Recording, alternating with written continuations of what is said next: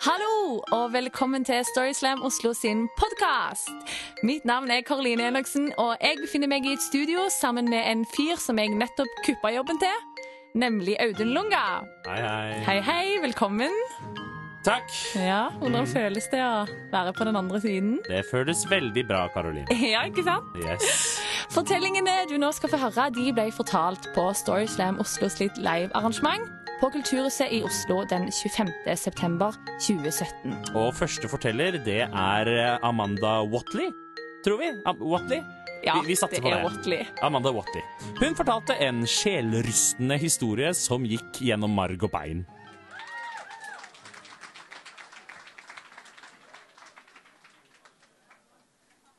Jeg har veldig mange plager. Jeg har støv- og pollenallergi. Jeg tåler ingen dyr med verken fjær eller pels, og jeg har heftig astma. Disse plagene har jeg hatt nesten hele livet. Og pga. disse plagene så fant mine tre søsken ut at de veldig, veldig hatet meg. De sa at jeg var all grunn for at de ikke hadde noe glede eller mening i livet. Pga. meg så kunne vi ikke ha kjæledyr. Jeg prøvde å fortelle dem hallo, jeg også har kjempelyst på kjæledyr, men vi får ikke lov. Det hadde i hvert fall ingenting å si hva jeg prøvde å fortelle dem, og de foreslo til og med å bytte meg ut mot en katt. Det skjedde heldigvis ikke. Men så en dag, når, rett etter at jeg har fylt ni år, da skjer det et eller annet. Da kommer mine to eldre søstre hjem med to vakre, nydelige, flotte hamstere. De hadde endelig klart å overtale mamma at skulle nå ha hver sin hamster. Selvfølgelig med betingelsen at jeg verken skulle røre de eller komme nærme de. Og jeg var kjempeglad på mine søstres vegne og observerte alltid på en meters avstand at de lekte med dyrene. Etter hvert så fant mine søstre ut at de skulle begynne med et lite prosjekt. et hamsterprosjekt. Og det prosjektet det går ut på at når du har en mannehamster og en damehamster sammen, så får du mange små hamstere. Så dette gikk de iherdig inn med å fullføre. Ok, Hvor er mor oppi alt dette her? Mamma var og er en fantastisk mor. Men på denne tiden her så var hun fulltidsstudent, og hun, studer, eh, hun var fulltidsstudent, og hun hadde fire barn helt alene. Allikevel så smurte hun oss alltid matpakke, gikk søndagstur med oss og ga oss masse kos og kjærlighet. Men de der hamstrene, der, der stoppet det. Så når mamma endelig oppdaget prosjektet til mine søstre, så hadde vi 14 hamstere. Og jeg måtte jo selvfølgelig utnytte denne situasjonen, så jeg gikk rett til mamma og sa mamma, jeg vil veldig veldig, veldig gjerne få lov til å arve to av disse hamstrene. Og Mamma holdt på å få et nervøst sammenbrudd, så hun sa ja uten å tenke seg om. Og jeg hadde endelig to kjæledyr. Den ene het Junior, og den andre het Kjøttkaken. Og jeg var så glad. Selv om allergiene nå var så alvorlig at jeg var konstant opphovnet røde øyne, sånn som dette her. Og om natten når jeg lå og sov, så hørtes jeg litt ut som lillesøsteren til Darth Vader. For jeg pustet sånn som dette her. Det var stor glede i huset for de aller fleste. Men eh, hamstere de er ganske ensformige. Det skjer ikke så veldig mye, og en niåring trenger underholdning. Så etter hvert så fant jeg ut at jeg skulle begynne med mitt eget lille prosjekt. Oppfetningsprosjekt. Hvor feit kan en hamster bli? Så jeg fant ut at Junior han skal få lov til å fortsette med sin vanlige hamstermat. Og Kjøttkaken han skal få lov til å få hamstermat og sjokoladekjeks. Og muffins med glasur og karbonader. Prosjektet fungerte fantastisk. Han ble så feit. Det var helt utrolig. Når jeg la han på håndflaten min med ryggen ned, så hadde han tre sånne store valker som hang nedover. Han klarte ikke å komme seg opp sjøl, for han var så utrolig svær. Det var dritgøy når, du er ni, selvfølgelig. Fordi vi hadde 14 hamstere i huset og ikke lenger to, så eh, kan dere jo se for dere at det ikke lenger var så mye kontroll. Og nå begynte jo da å skje tragedier.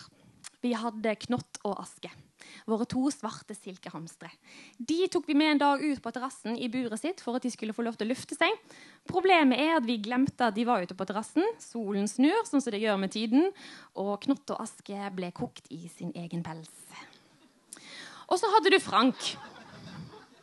Frank han bare forsvant en dag. Vekk fra buret sitt, sporløst borte. Vi fant han ingen, ingen steder. Vi ropte på han, men han svarte jo ikke. Og så, etter to dager, så sitter jeg i sofaen i stuen og jeg leser Ronny Røverdatter. Så hører jeg plutselig noe skraping. Så jeg roper på mine søsken, sånn at vi kan gå og finne ut hvor den lyden kommer fra. Og det tar ikke lang tid før vi hører at det kommer fra stueveggen. Det var Frank. Og vi skreik, og vi gråt, og vi hylte, og vi tryglet mamma at hun måtte få lov til å redde Frank. Og Mamma anerkjente jo da, vi begynner å minke litt på hamster i huset, men vi river faktisk ikke ned stueveggen for å redde Frank.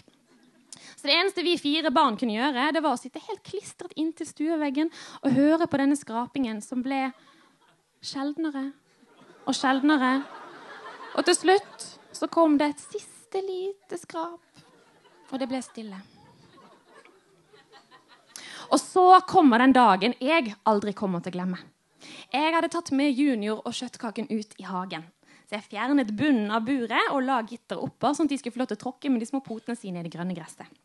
Og så ble jeg eh, ja, distrahert av et eller annet. Jeg, var, jeg fulgte ikke med på buret i sikkert 5-30 minutter. jeg er ikke helt sikker.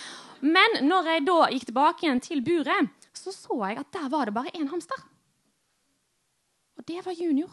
Og Junior var helt presset inntil hjørnet. Og han skalv, og han ristet av redsel. Kjøttkaken var ikke noe sted der å finne. Men så ser jeg rett utenfor buret. Der er det et par svarte fuglefjær. Ja, dere tenker riktig. Kjøttkaken ble tatt og spist av en fugl. Og jeg tenker at selvfølgelig ble han det. Dere skulle sett hvor feit han var. Altså, Ingen fugl kunne ha motstått han uansett hvor mett han hadde vært på forhånd. De måtte jo ha spist han. Så mamma var nødt til å ta affære. Hun begynte å selge alle hamstrene. Til slutt så var det bare én hamster igjen, og den var det ingen som ville kjøpe. Og det var Junior. Junior hadde fått posttraumatisk stressyndrom av å se sin egen bror bli spist og tatt av en fugl, og han utviklet en alvorlig depresjon. Så til slutt så sa mamma at han ble sendt på en gård der han endelig kunne flott slappe av. Det var hyggelig. Og det er jo en underliggende eh, tema i dag om verdier. Og dere lurer kanskje på ok, hvor er verdiene her. Ja, de er jo ikke her. Altså, de, de, eksisterer jo ikke. Det er absolutt ingen verdier i den historien i det hele tatt. Og jeg kan love dere, jeg har blitt en mye, mye, mye bedre person siden jeg var ni år gammel. Og jeg har mye mer matvett nå. Så jeg prøver ikke å hate meg, men hvis dere syns at dette her var en veldig fæl historie, så gå litt i deg sjøl. Og reflekter litt over. Jeg lo ganske mye, gjorde jeg ikke det? Mm. Takk.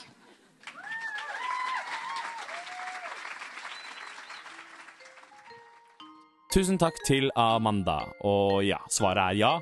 Vi lo ganske mye. I Ja. hvert fall gjorde vi det. Vi gjorde det. Og en annen person vi også lo ganske mye av den kvelden her, det er vår neste forteller, Noah Robel.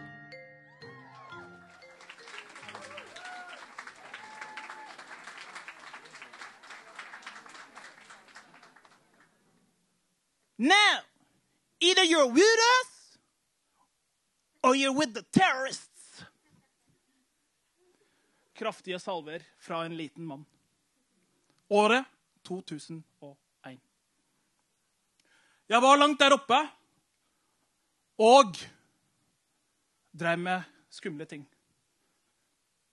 Samedrift Omflatelse. Reinsdyrsdrift.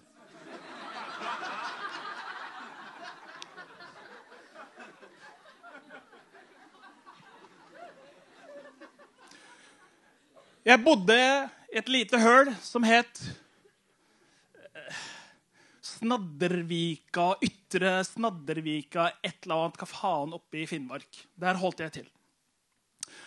Eh, Det var lenge siden jeg hadde noe særlig kontakt med Al Qaida. Eh, Men jeg følte at det ikke var trygt likevel.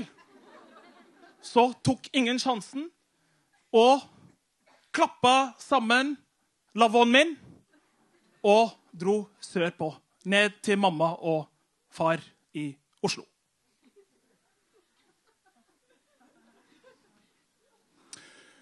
Det skal sies at i den lengste tiden har jeg dessverre unngått å date somaliske damer. Av den enkle grunnen at vi flotte somaliske folket driver med verdens eldste yrke. Jungeltelegrafen, folkens. Jungeltelegrafen. Så da var det mye enklere å eh, styre med disse lekre blondiner og sn- snekre brunetter og som bare ligger og freser som fugler, klappeslanger. Det er liksom mine greier.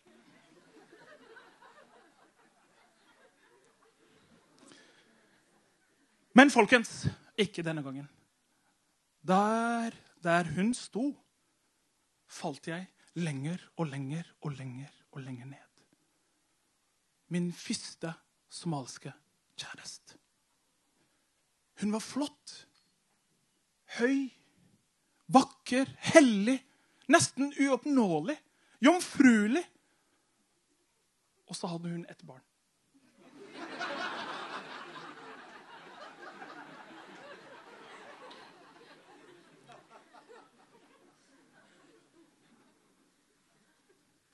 Vi møttes bare på søndager.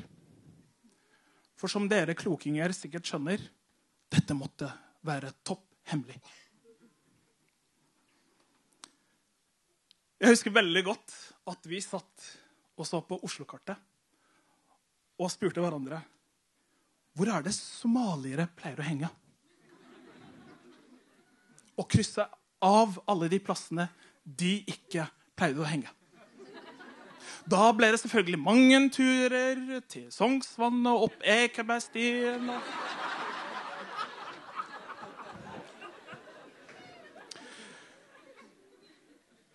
Og... vi åt ved ulike norske serveringsplasser, og etter hvert begynte å lure. altså, Det er bare salt og pepper de har inn på det kjøkkenet der. Sånn holdt vi det gående i ett år. Etter veldig mange turer og mye salt og pepper seinere så sa det pang, pang, pang i hodet mitt. Dette var kvinnen i mitt liv. Her! Det var dags for at hele familien dro til Sverige, handla ris og poteter og løk. Vi var klare for en storslått bryllup i Oslo. Akkurat som min far gjorde i sin tid. Når han måtte punge ut 100 kameler til mor. Det var dags for å samle høner og kameler.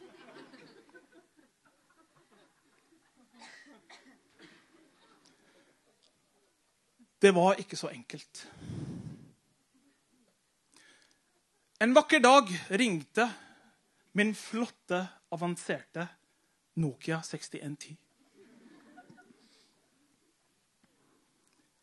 Det var min flotte ørkenblomst på andre siden og sa 'Jeg skal ha' Eller 'Kjære, kunne du ordna meg en kattunge?' En kattunge? Ja, det skal nå gå greit å fikse. Det er noe innafor. Da ringte jeg min aller beste sjommi, Ibrahim, og sa 'Hallo'. En kattunge, takk. Han skima gjennom Oslo, både høyt og lavt, og skulle finne en liten, hårete rakker. Han endte opp på Vestby hos en gammel norsk dame. Og han skulle få med seg katten på én betingelse. At katten ikke skulle spises.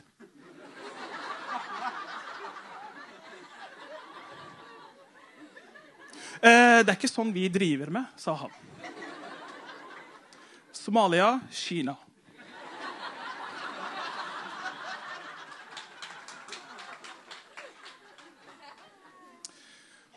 Vel på vei tilbake på bussen så ringte han og begynte å tyte. Noah! Katten, den ene katten har diaré og kaster opp og er veldig dårlig. Det var ikke det jeg umiddelbart beit meg fast i. Det var det faktum at han sa 'den ene katten'. Var det fleir? Var det en kattemor som ikke gadd å gi slipp på sin kattesønn? Hva er det som foregår? Jo, dette skulle jeg få vite når han ankom bussterminalen. Vel framme så ser jeg min flotte Ibrahim i sin altfor store Tupac-genser og Chicago Bulls caps. Og der står han med to kattunger. Og så kommer Adib, som er igjen en god venn av Ibrahim. Og Der fikk jeg vite rede på at Adib også skulle ha en kattunge. Jaha? Ja, nei, det var ikke til han. Det var til dama hans. Takk. Der sto vi, tre brune, hardbarka eh, somaliere fra landsbygda, der menn er menn og sauer er livredde. Og det gikk opp for meg hva som hadde skjedd. Og i dag har jeg en katt som hater fransk nasjonalsangen. Og de er lykkelig gift. Takk for meg.